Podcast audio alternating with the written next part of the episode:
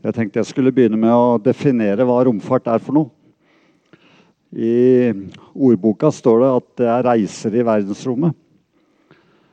Og da kan man jo tenke at uh, da må det være mennesker som reiser. Uh, og de må jo reise mellom planetene, kanskje. Men eh, tradisjonelt så tenker vi romfart bare noen blir skutt opp i bane rundt jorden.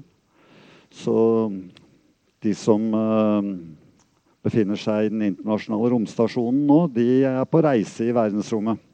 Selv om det bare går rundt jorda. Uh, når det gjelder alle satellittene som går rundt jorden, så vil jeg holde de utenfor. Det kaller jeg isteden romvirksomhet. Disse satellittene er jo til stor nytte for oss. Det er ikke alle som tenker over hvordan det ville vært uten disse satellittene. Men uh, det er en historie for seg, og i dag skal jeg da snakke om romfart. Um, så sender vi jo også ubemannede romsonder ut i solsystemet.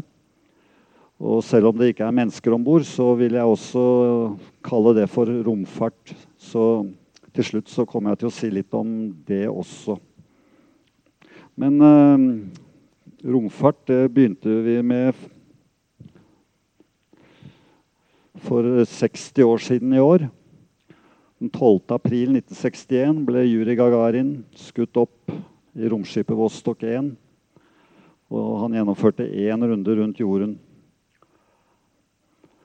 Han er faktisk den eneste romfareren den dag i dag som kun har reist én gang rundt jorden. Fordi han fikk bare den ene romferden. Og grunnen til det er uh, todelt. Sovjetunionen oppdaget jo raskt at dette med romfart var uh, god PR.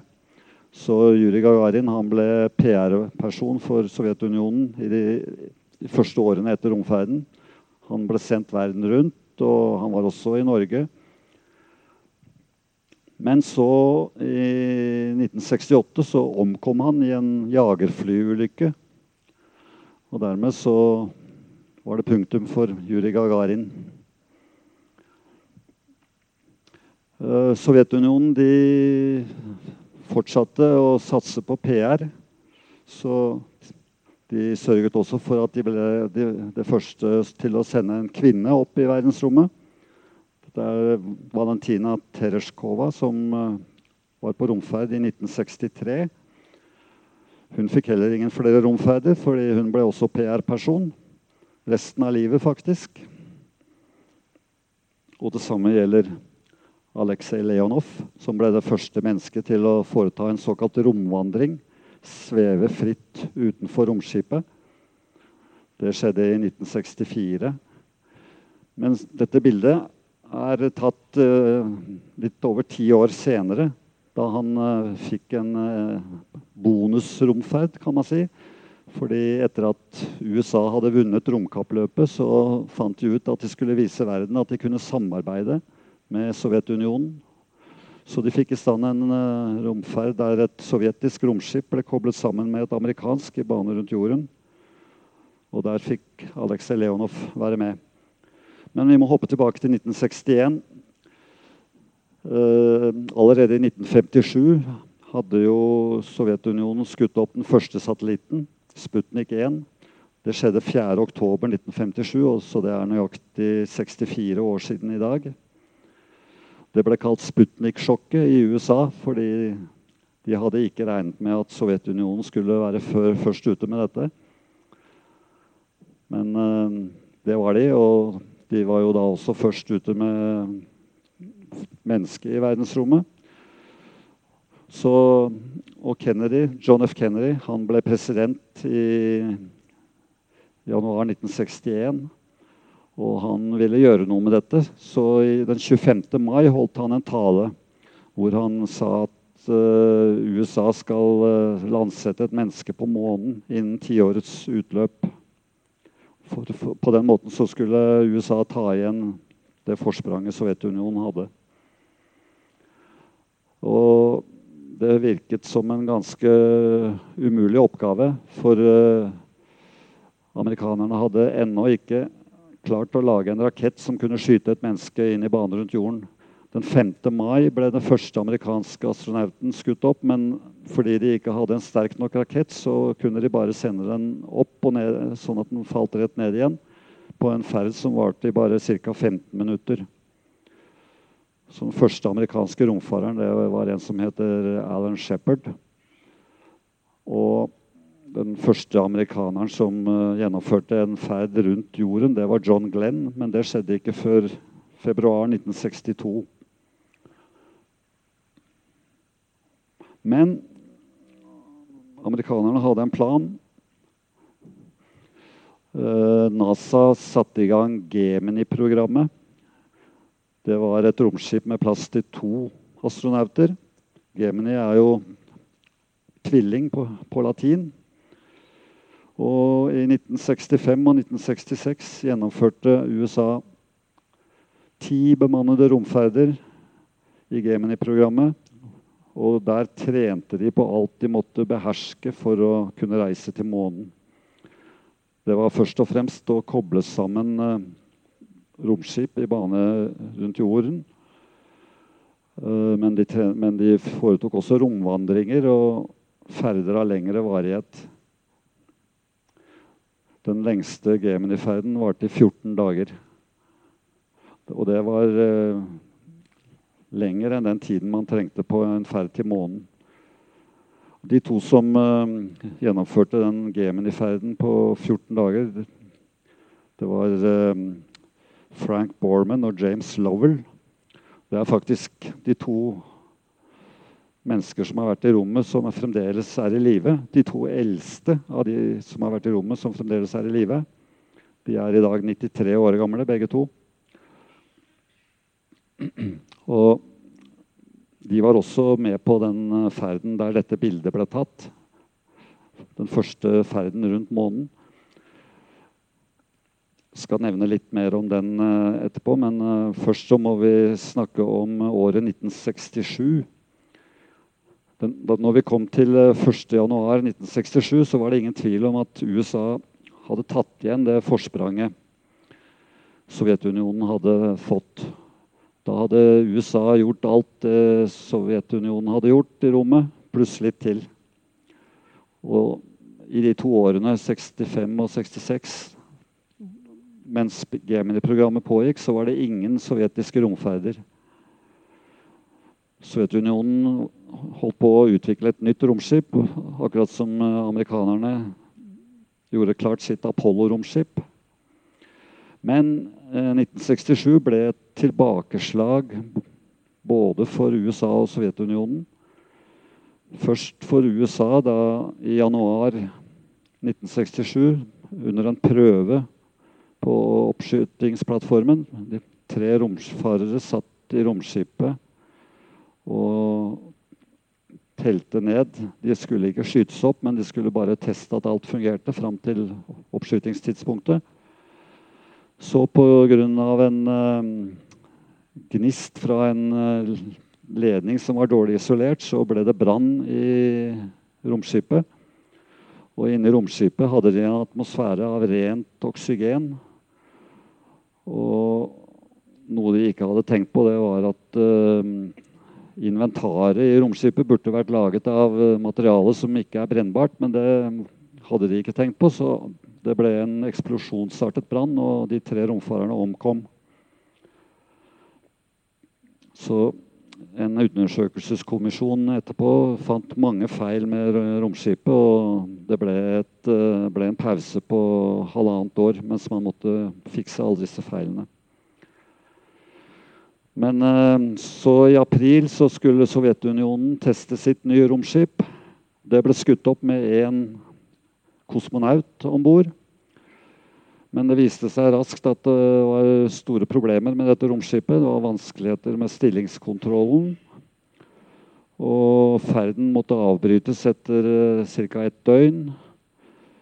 Men uh, da romskipet kom ned i atmosfæren, så var det ikke stabilt. Og da fallskjermene ble utløst, så viklet fallskjermsnorene seg i hverandre, slik at det ikke ble noe bremseeffekt. Så romfareren omkom da romskipet traff bakken. Og Dermed så ble det selvfølgelig også en lang pause i det sovjetiske romfartsprogrammet. Man kom i gang igjen høsten 1968. Da var det første bemannede ferd med Apollo-romskipet. Tre romfarere ble skutt opp i bane rundt jorden. Det var Apollo 7. Og det var en vellykket test av romskipet. Så var på, neste på planen det var eh, Apollo 8. og Der skulle man teste månelandingsfartøyet i bane rundt jorden. Men så var månelandingsfartøyet forsinket fra fabrikken. Så de hadde ikke noe månelandingsfartøy å teste med Apollo 8. Planen var at Apollo 8 skulle skytes opp i desember 1968.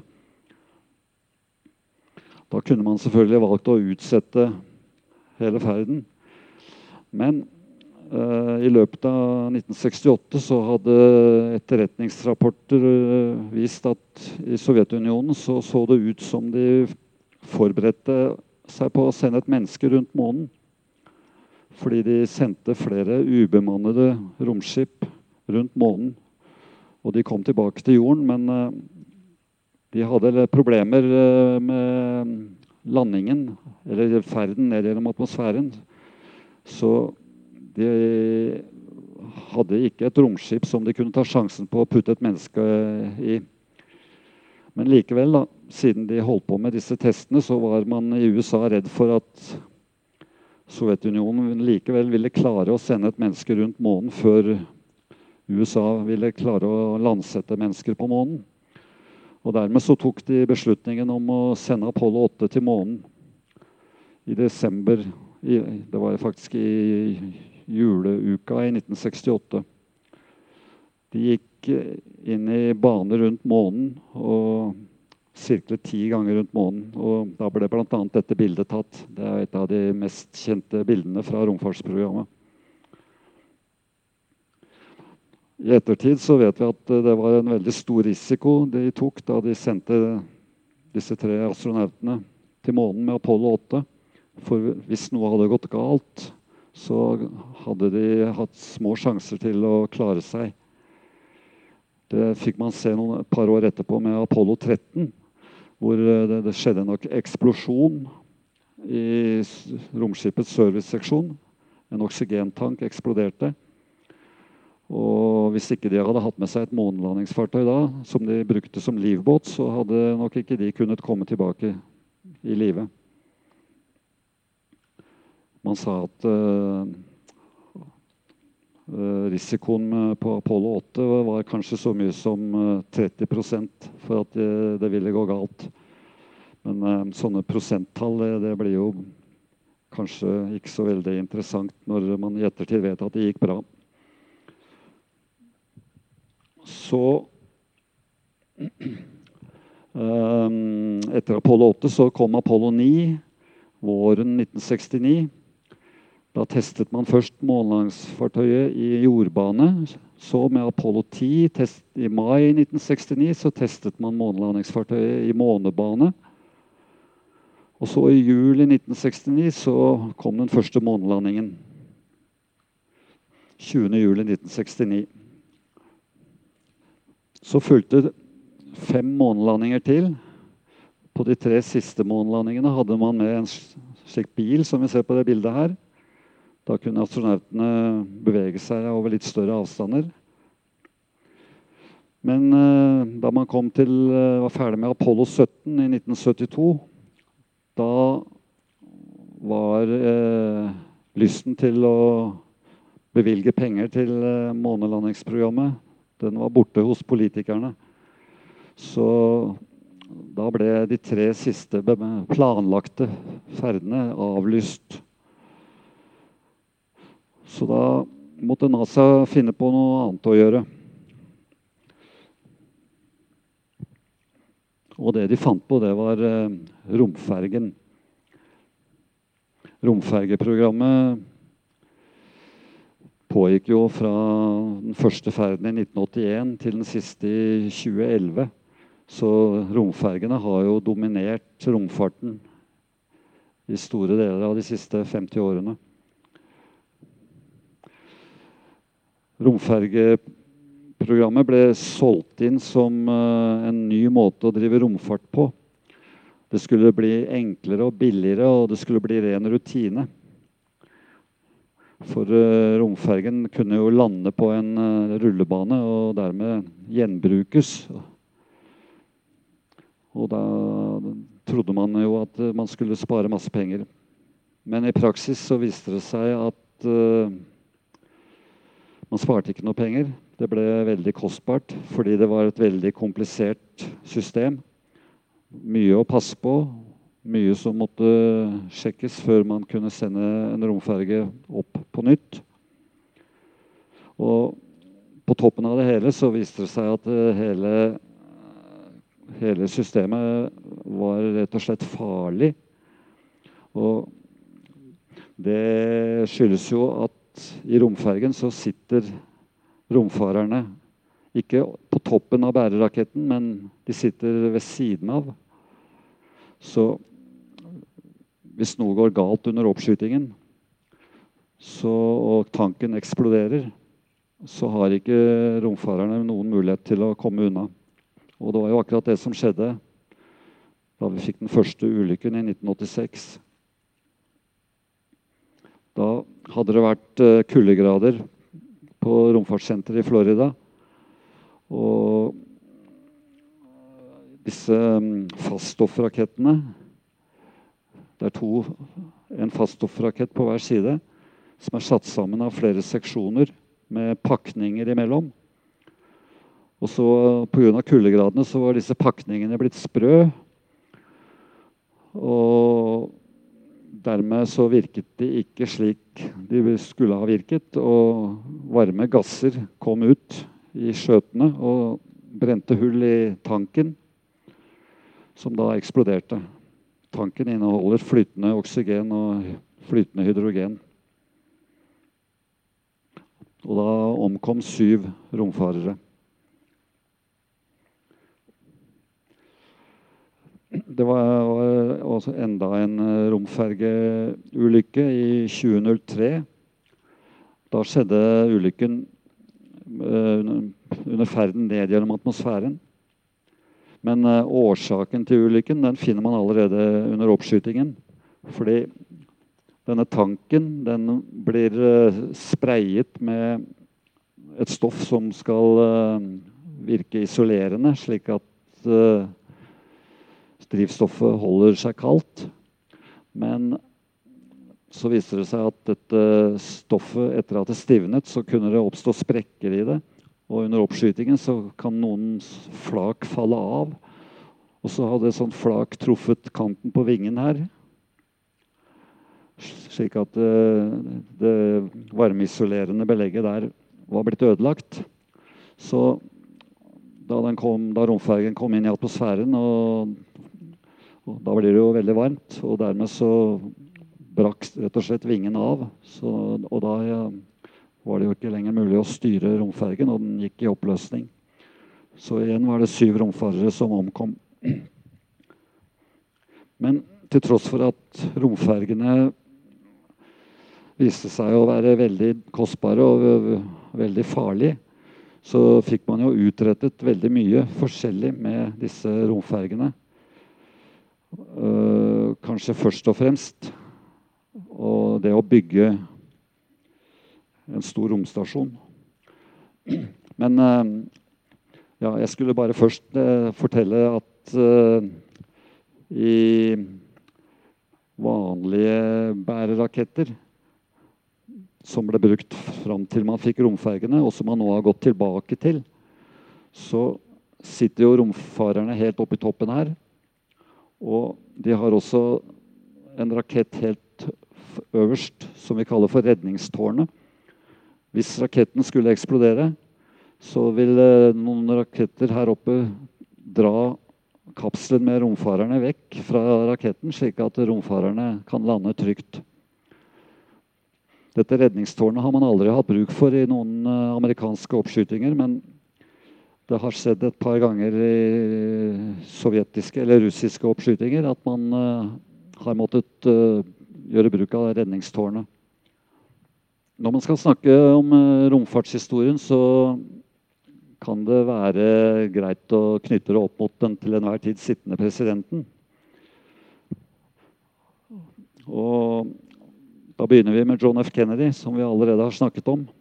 Han ga denne beskjeden om at man skulle landsette mennesker på månen innen tiårets ti utløp. Men han fikk jo ikke oppleve det selv. Han ble jo skutt i et attentat i Dallas i november 1963. Og da var det visepresidenten hans, Lyndon B. Johnson, som eh, overtok. Og han var fast bestemt på å holde fast ved det Kennedy hadde sagt.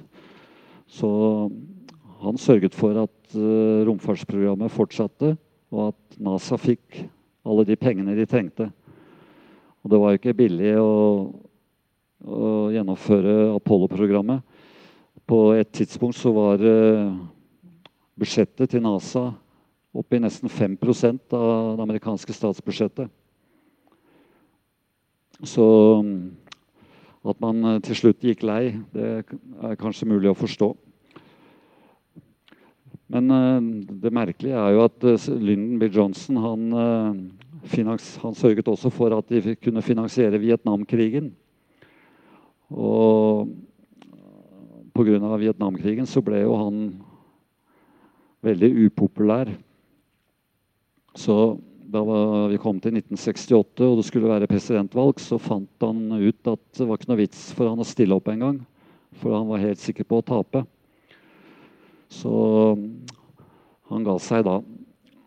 Og da, da var det Richard Nixon som uh, vant og overtok som president.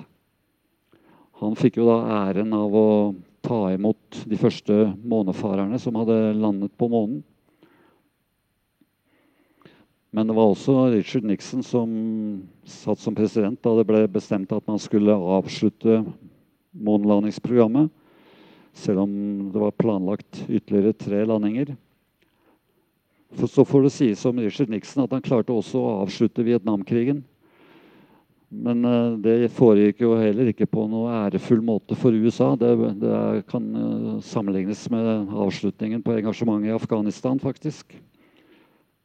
Og på toppen av det hele så klarte jo Richard Nixon å avslutte sin egen presidentperiode før tiden pga.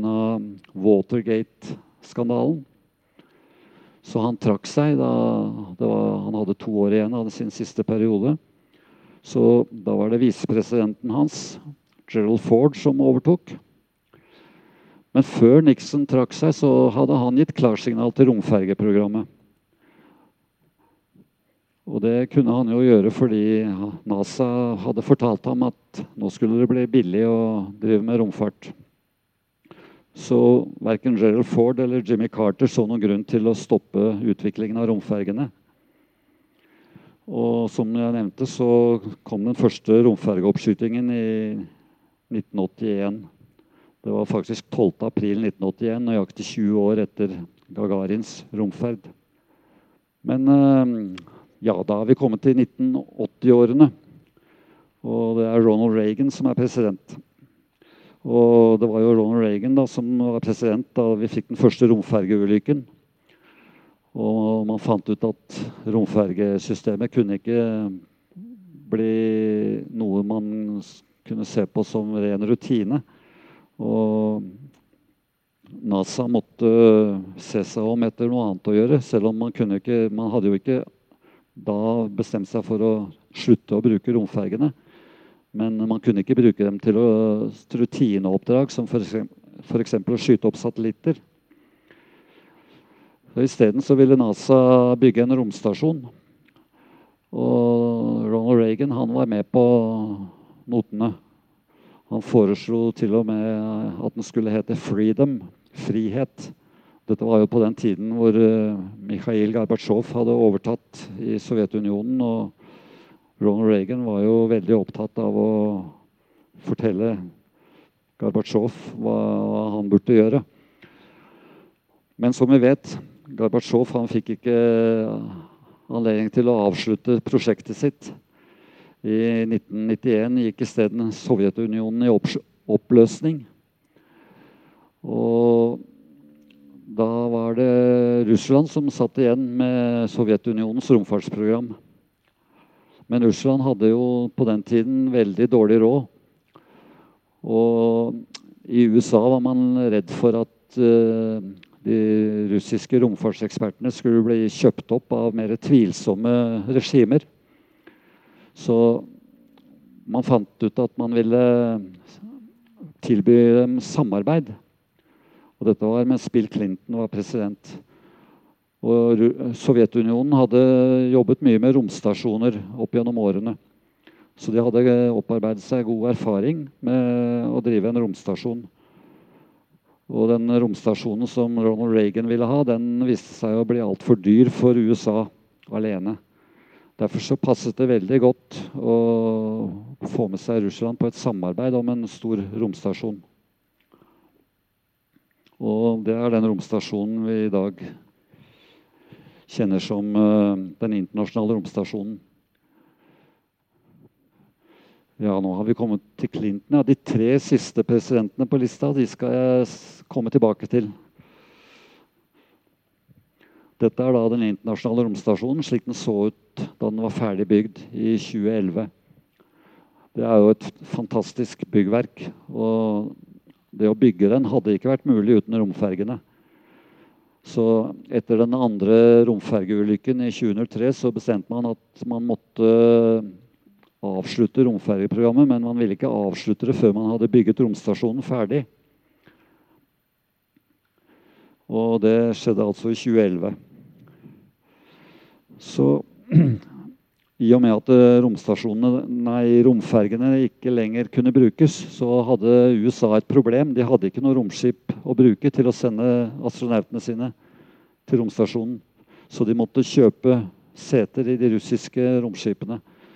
Så i ca. nesten ti år så har eh, russerne vært de eneste som har kunnet frakte mennesker til og fra romstasjonen.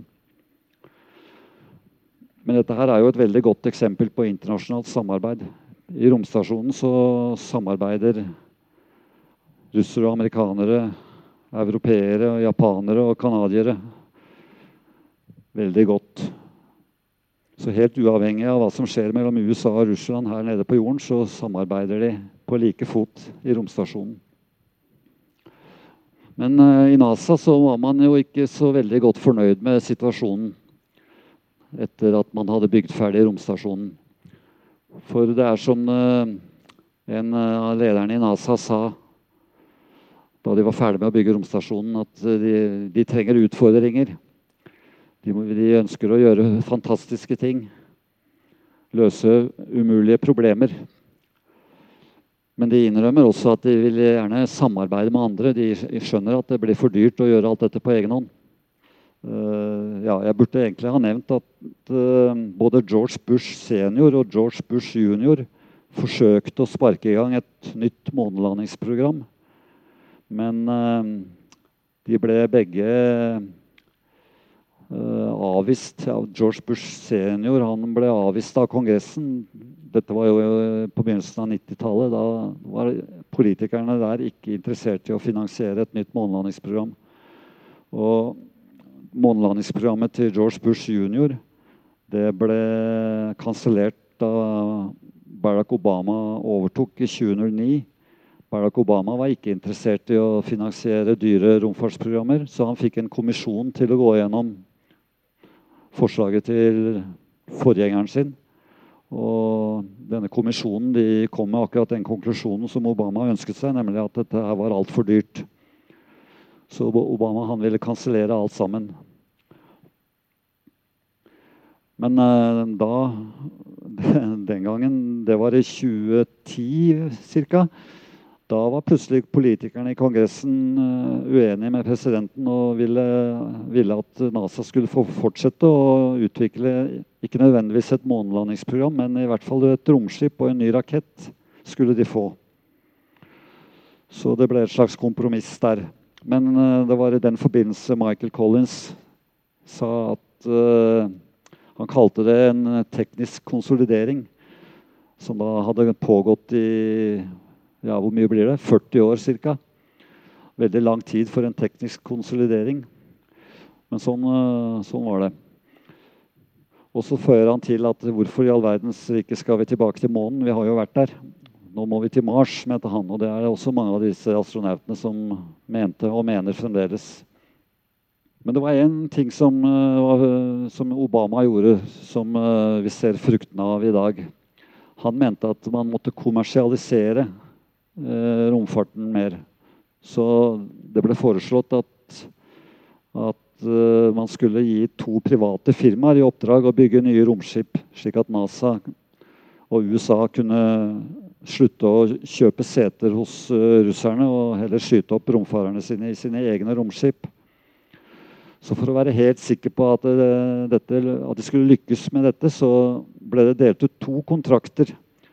Disse private firmaene de skulle ikke betale alt selv. De skulle få hjelp av, eh, av eh, over statsbudsjettet via NASA. da. Så NASA ga kontrakter til Boeing og SpaceX for å utvikle nye romskip. Og det ser vi da fruktene av i dag. SpaceX de har eh, sitt romskip klart, og de har gjennomført tre operasjonelle romferder. og Den fjerde kommer snart. Eh, noen av dere fikk kanskje med dere at de gjennomførte en helt privat romferd for noen få uker siden. Med bare vanlige sivilister om bord. For uh, selv om uh, skattebetalernes penger delvis ble brukt da de utviklet disse romskipene, så er det disse private firmaene som eier romskipene og kan gjøre hva de vil med dem. Så de har selvfølgelig i kontrakten med NASA at de må frakte romfarere til og fra den internasjonale romstasjonen. Men uh, så kan de også ha andre romferder ved siden av som de arrangerer helt på egen hånd. Så må vi si litt om Boeing, da, andre, det andre private firmaet som skulle utvikle et romskip. De fikk faktisk problemer. da. Eh, den første ubemannede testferden den var eh, mislykket fordi de klarte ikke å koble romskipet til romstasjonen. Uh, Pga. en feil i et dataprogram, faktisk. Men det viste seg at det var andre problemer også. og Da de skulle prøve en ny ubemannet testferd i sommer, så måtte de avlyse hele oppskytingen bare en dag før planlagt oppskyting. Da var det noen uh, drivstoffventiler som ikke åpnet seg som de skulle. Noe de fant i forbindelse med en, noe testing de gjorde. Så i øyeblikket så ser det ut til at denne denne ubemannede testen uh, må vente til utpå ut på neste år en gang. Så, vi, men vi kan jo håpe at Boeing kommer i gang med bemannede ferder i løpet av neste år. Ja, på denne, på denne figuren her så har vi fire romskip. og det øverst til venstre, Orion, det er det nye romskipet som NASA utvikler, som som de skal bruke når de skal sende romfarere til månen. For uh, selv om månelandingsprogrammet til George Bush senior ikke, nei, junior ikke ble noe av, så bestemte politikerne at uh, romskipet skulle man utvikle. Så fikk man etterpå finne ut hva man skulle bruke det til. Så Vi har jo også med Apollo-romskipet nederst til venstre her. Dere ser at Eneste forskjellen eh, er at det er litt mindre. I Apollo-romskipet var det plass til tre romfarere, mens i de andre disse nye romskipene så er det plass til fire romfarere. Og dette er den nye raketten som uh, utvikles for å skyte opp Orion-romskipet når det skal til månen. Og det morsomme Det er egentlig ikke morsomt, men uh, det, jeg, det, jeg, kan kalle det morsomt likevel. Denne raketten skulle bli ganske billig fordi man skulle gjenbruke teknologi fra romfergeprogrammet. Dere kjenner igjen Faststoff-rakettene og den store tanken. Hvis det, romfergene hadde tre slike motorer Her har man fire av dem, men det er akkurat de samme motorene. På de første ferdene så skal man faktisk bruke motorer som, eh, som har eh, vært brukt på rom, romfergen. Men det viste seg at dette ble ikke billig likevel. Det var såpass mange tekniske utfordringer ved å, ved å gjøre om dette her slik at det fungerte, eller skal fungere. Det har jo ikke vært noen oppskytinger ennå. Men det har blitt så dyrt at uh, man tror nå at uh, hver oppskyting vil koste over 1 milliard dollar. Det betyr at man vil ikke ha råd til mer enn én oppskyting i året. Hvis man regner med utviklingskostnadene også, så kan det hende at uh, prisen er nærmere 2 milliarder dollar. Så det er, dette er blitt fryktelig kostbart. Men uh, sånn er det i USA, der uh, politikerne de vil ha en sånt stort prestisjeprosjekt gående.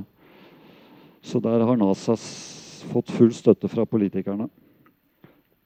Så var det spørsmålet om hva skulle man bruke dette nye romskipet til, og denne nye raketten. Og Der kom NASA opp med en strålende idé. Og Det var at man skulle bygge en romstasjon i rommet nær månen. Uh, som dere ser, så består jo denne romstasjonen av uh, flere moduler. Og tanken var da at Eller er Tanken er at man skal bygge den ved å føye til én modul hvert år opp gjennom 2020-årene. For uh, da vil kostnaden ikke bli Kostnaden blir jo høy, men den blir ganske stabil hvert år. Det er noe man eh, i NASA regner med at både presidenten og politikerne i Kongressen eh, er villige til å gå med på. Så det er dette som er eh, NASAs hovedplan nå, at man skal bygge denne romstasjonen. Slik ser romskipet Orion ut når det kommer opp i rommet. Den sylinderen bak her, det er det vi kaller serviceseksjonen. Og den bygges i Europa av den europeiske romfartsorganisasjonen ESA. Så allerede her så er det samarbeid mellom eh, USA og Europa. Og når det gjelder romstasjonen de skal bygge i rommet nær månen, så satser NASA på at de skal få med seg både Japan og Canada også på, på det prosjektet. De ville også ha med Russland, men eh, der har Russland sagt nei takk. De, nå vil Russland heller samarbeide med Kina.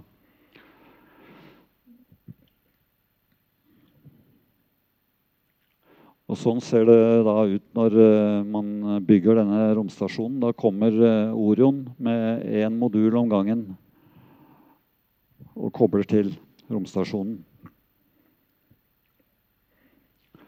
Men før man begynner å bygge romstasjonen, så må man jo teste dette romskipet, Orion. Og den første testferden den har allerede vært, blitt utsatt en del ganger. Nå skulle det skje i høst, men uh, det siste nå er at det uh, sklir nok over i neste år før de får, uh, denne, får, gjennomført denne testferden. Og på denne testferden så skal uh, romskipet sendes til månen og gå i bane rundt månen før det kommer tilbake og lander på jorden. Og Hvis den testferden går bra, så blir det en ny testferd, denne gangen bemannet. Men eh, nå tar de ikke store sjanser for nå skal de sende romskipet kun én gang rundt månen. Da blir risikoen mye lavere, for da slipper man å være avhengig av en rakettmotor som eh, oppfører seg som den skal når man kommer til månen. For da kan man sende romskipet inn i en bane som automatisk bringer det tilbake til jorden. Denne testferden den uh, antar vi, vi nå vil komme høsten 2023. Og så har dette programmet fått navnet Artemis. Så ferdene, i, det, ferdene til dette romskipet Orion de vil da hete Artemis 1, Artemis 2 osv. Artemis er for øvrig søsteren til Apollo i gresk mytologi. Um, romstasjonen den begynner man å bygge i 2024. Modulen, de to første modulene trenger man ikke å bruke bemannet romferd til. Da vil man sende de til månen med en vanlig rakett. Så blir spørsmålet hva skal skje på den tredje romferden med Orion? Den andre bemannede. Det har jeg latt stå åpent her, fordi det er veldig uklart i øyeblikket. Som jeg skal forklare, forklare dere nå hvorfor det er det. Allerede for uh, flere år siden så, så NASA for seg at uh, de skulle uh, sende sende ubemannede romsonder til månen. Samtidig som de bygger denne romstasjonen. Det man er spesielt interessert i på månen nå, det er å undersøke Sydpolområdet. fordi der har man fra romsonder som har gått i bane rundt månen, så har man funnet ut at det kan finnes kratre på månens sydpol hvor det aldri er sollys, hvor aldri sola slipper til. Og nede i disse kraterne så er det tegn på at det kan finnes masse is. Og dermed vann, selvfølgelig. Så Derfor er sydpolområdet på månen blitt ekstra interessant. Så hvis det kommer til bemannede månelandinger igjen, så er det mest sannsynlig at de vil lande syd, ved Sydpolen. Men eh, NASA de hadde ikke noen forhåpninger om at dette skulle lede fram til en bemannet månelanding. Men eh, så tegnet de inn en eh, astronaut her nede. Men de har ikke noe årstall på det. Så tanken var nok at muligheten skulle være der, men bare hvis politikerne var villige til å bevilge pengene. Og den forrige NASA-sjefen han uh, snakket varmt om uh, denne strategien. Og når han sier at de skal gå tilbake til månen for å være der, så mener han ikke at de skal være på månens overflate. Da mener han at de skal være i denne romstasjonen. For det fine med den er at uh, det blir en slags reisemål man kan reise til. Og så kan man være der en stund, og så kan man reise hjem igjen. Og så kan andre astronauter komme og være der og reise hjem igjen. Det er ikke tanken at den skal være permanent bemannet, sånn som uh, den internasjonale romstasjonen i jordbane er. Så det var planen helt til uh, Donald Trump kom på banen. Han uh, fikk jo visepresidenten sin til å si dette her, men det var Donald Trump som ville ha det slik. Donald Trump han uh, regnet jo med at han skulle sitte som president til 2024. Og da ville han gjerne at uh, presidentperioden skulle avsluttes med at mennesker landet på månen. Så han ga beskjed til NASA at ja, skal, dere skal lande på månen i 2024. Det var jo egentlig en ganske stor utfordring, synes jeg i hvert fall. For uh, det ville i så fall bli den andre bemannede romferden. Og da har man ikke fått testet veldig mye veldig godt. Så egentlig så tror ikke jeg at det hadde vært gjennomførbart uansett. Men nå ble jo ikke Donald Trump gjenvalgt heller. Så det målet med at man skal lande på månen i 2024, det er det nok ingen som ser på som realistisk lenger. Men likevel, da. NASA de tenkte at uh, vi får gjøre det beste ut av det. Så vi, vi inviterer til en uh, konkurranse. Vi vil uh, finansiere et månelandingsfartøy hvis noen kommer med et tilbud. Og det var tre, tre firmaer som uh, kom med tilbud. En av dem var SpaceX. Og, men uh, politikerne i Kongressen de var ikke helt med på notene. fordi dette her ville jo bli veldig dyrt, spesielt hvis det skulle skje allerede i 2024. Så de har bevilget bare en brøkdel av det NASA sa de ville trenge. Men uh, SpaceX de leverte et tilbud som uh, var mye billigere enn det de to andre leverte. Og det var fordi at SpaceX ville finansiere en stor del av dette selv. Og de var allerede i gang med å planlegge et uh, romskip uh, som ligner veldig på det vi ser på det bildet her. De kaller det Starship. Det skal jo brukes til uh, mye annet enn å lande på månen. Elon Musk, som er han som grunnla SpaceX, han har jo allerede sagt at de skal sende mennesker til Mars med dette romskipet. Ja, jeg synes at dette bildet ser mer ut som science fiction. Men uh, det gjenstår å se. SpaceX har fått til uh, fantastiske ting med rakettene sine. Men uh, spørs om ikke de har gapt over litt for mye når de tror at de kan levere en månelanding om tre-fire år. Det er jeg litt usikker på.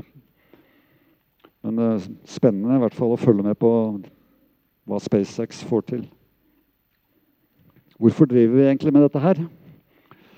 Kan man spørre. Det er klart det finnes mange gode grunner til å drive med utforskning. Eh, jeg liker disse tre grunnene her best. At det gir inspirasjon, at man får kunnskap. Det er ikke sikkert at kunnskapen eh, er nyttig med en gang, men før eller siden så tror jeg den vil komme til nytte. Og Det siste punktet det er kanskje det mest interessante. Man leter etter liv andre steder i universet. For det, det, er jo et av de store spørsmålene vi mennesker stiller oss. Har liv oppstått andre steder enn på jorden?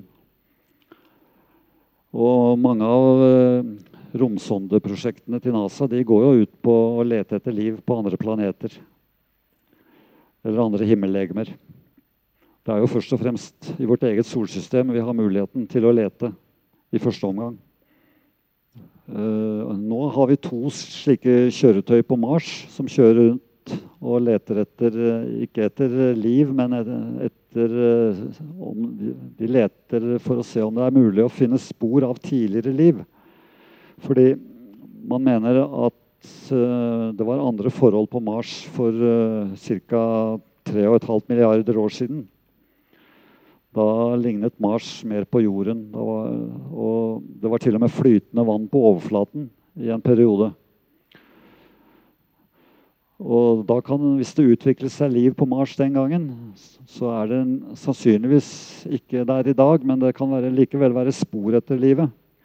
Da snakker vi selvfølgelig om uh, mikroorganismer. Det var jo heller ikke noe annet enn mikroorganismer på jorden for 3,5 milliarder år siden.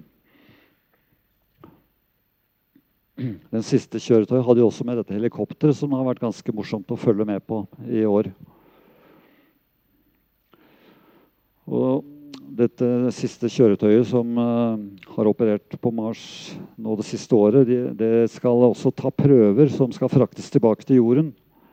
Men uh, den, uh, det prosjektet som skal frakte dette tilbake til jorden, det er ikke Det er bare på planleggingsstadiet. Så de prøvene de blir lagret i sånne små sylindere som dere ser tre stykker av her. Og så på et senere tidspunkt så skal det komme en, romson, en, et nytt kjøretøy som skal plukke opp disse her og levere dem til den raketten her.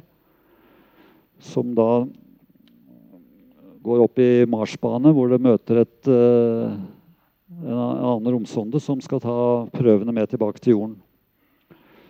Eh, det vi håper på nå, er eh, oppskyting i 2028. Og at prøvene kommer tilbake til jorden eh, rundt 2030. For det er begrenset hva man kan undersøke ved hjelp av automatikken i dette kjøretøyet. Man må ha det tilbake til et laboratorium på jorden for å kunne gjøre skikkelige undersøkelser og ha noe håp om å finne spor etter tidligere liv. Men det er ikke bare på Mars man leter etter liv. Man, eh, da Voyager-sondene passerte Jupiter Det var rundt 1980. Da oppdaget man at en av månene til Jupiter den heter Europa. Den er dekket av et tykt lag med is. Og under isen så mener man at det befinner seg et hav med flytende vann. Og da tenker man med en gang at der kan det jo være liv i dag. Men nå er det jo ikke så lett å undersøke det havet. Så i første omgang så skal man sende en romsonde som skal uh, studere overflaten i detalj fra bane. Slik at man senere ja, Dette her er en uh, illustrasjon av hvordan det kan se ut på overflaten. At uh, Der kan det være geysirer hvor det spruter opp vann fra dette havet. Man mener også at man eh, ved eh, observasjoner fra romteleskopet som går i bane rundt jorden, har sett tegn på slike geysirer på denne månen. Og hvis man finner et egnet sted å landsette en sonde, så vil man sende en sonde senere som kan lande i nærheten av en slik geysir og da kanskje gjøre undersøkelser av det vannet som kommer opp fra det havet. Men dette er jo ting som uh, ikke vil skje før utpå ut på 2030-tallet. Så har vi månen til uh, En av månene til Saturn, planeten som ligger utenfor Jupiter månen Titan. Det er den eneste månen i solsystemet med en tett atmosfære. Der er atmosfæretrykket 1,5 ganger atmosfæretrykket på jorden, så det egner seg veldig godt for uh, slike droner som vi ser her. Denne har NASA planer om å sende til Titan på 2030-tallet. Og der er det også muligheter for uh, å lete etter liv. Blant annet så har jo denne månen sjøer av flytende metan på overflaten. Hvis er, men hvis det er liv der, så er det jo en annen type liv enn det vi kjenner. Fordi flytende metan har jo en temperatur på ca. minus 180 grader. Men man har også en tro på at det kan være et, et vann, hav bestående av vann under overflaten på denne månen. Så Derfor så ser man fram til mange interessante undersøkelser med en slik drone på denne månen. Men uansett eh, Det NASA ønsker seg, det er eh, å sende astronautene sine til Mars. Og kunne gå rundt her og undersøke nærmere. Det ser jo veldig livløst ut, og det er det selvfølgelig også. Men uh, likevel, det er Mars som er uh, hovedønskedrømmen til, til, NASA. Men det er veldig lite sannsynlig at NASA blir i stand til å sende mennesker til Mars før uh, kanskje mot slutten, tidligst mot slutten av 2030-tallet. Så det er langt fram.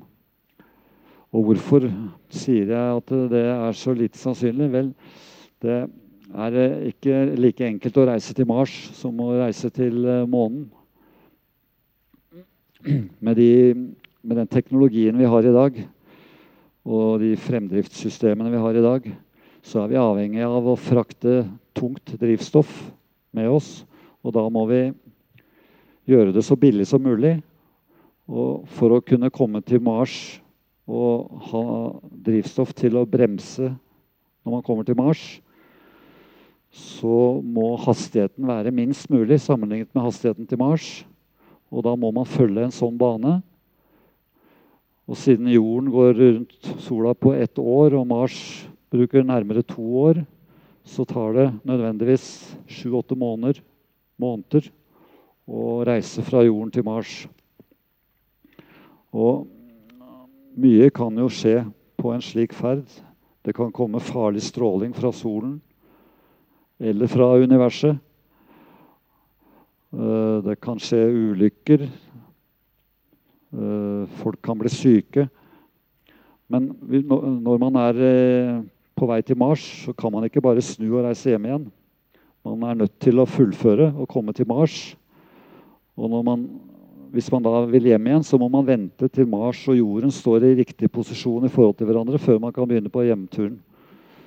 Så hvis man eh, reiser til Mars med dagens teknologi, så er man dømt til å være borte i mellom to og tre år Så det er ingen spøk å skulle prøve seg på en ferd til Mars. Derfor jeg vil bli veldig overrasket hvis jeg får oppleve at mennesker lander på Mars før 2040. Men vi håper på månelandinger rundt 2030. Enten, hvis ikke det blir amerikanerne som lander på månen, så kanskje kineserne gjør det. De har sagt at de vil prøve. Og Kina de jobber uh, møysommelig med å kopiere alt det som eh, USA og Russland har gjort allerede. Og de er godt i gang med sin egen romstasjon. Så vi går spennende tider i møte. Takk for meg.